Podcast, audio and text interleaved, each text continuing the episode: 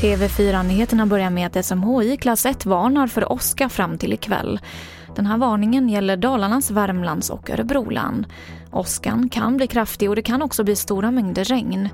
Och så är även risken för bränder i skog och mark väldigt stor på flera håll i både Götaland och i Svealand. På måndag kan regeringen Löfven falla och nu pågår försök att hitta lösningar i den akuta regeringskrisen. Regeringen ska enligt uppgifter till TT hålla ett extrainsatt möte imorgon.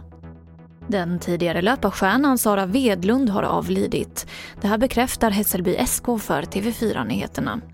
I mitten av 90-talet var hon en av Sveriges absolut största löparstjärnor. Hon kom tvåa i inomhus-EM 1996, vann terräng-EM samma år och deltog även i OS i Atlanta. Sara Wedlund blev 45 år gammal. Och så till sist till fotbolls-EM. För nu är det bekräftat att Mattias Svanberg återvände till EM-truppen efter sin tio dagar långa coronaisolering.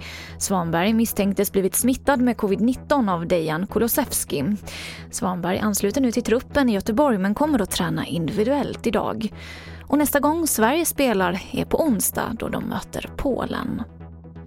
Och det var det senaste från TV4 Nyheterna. Jag heter Emily Olsson.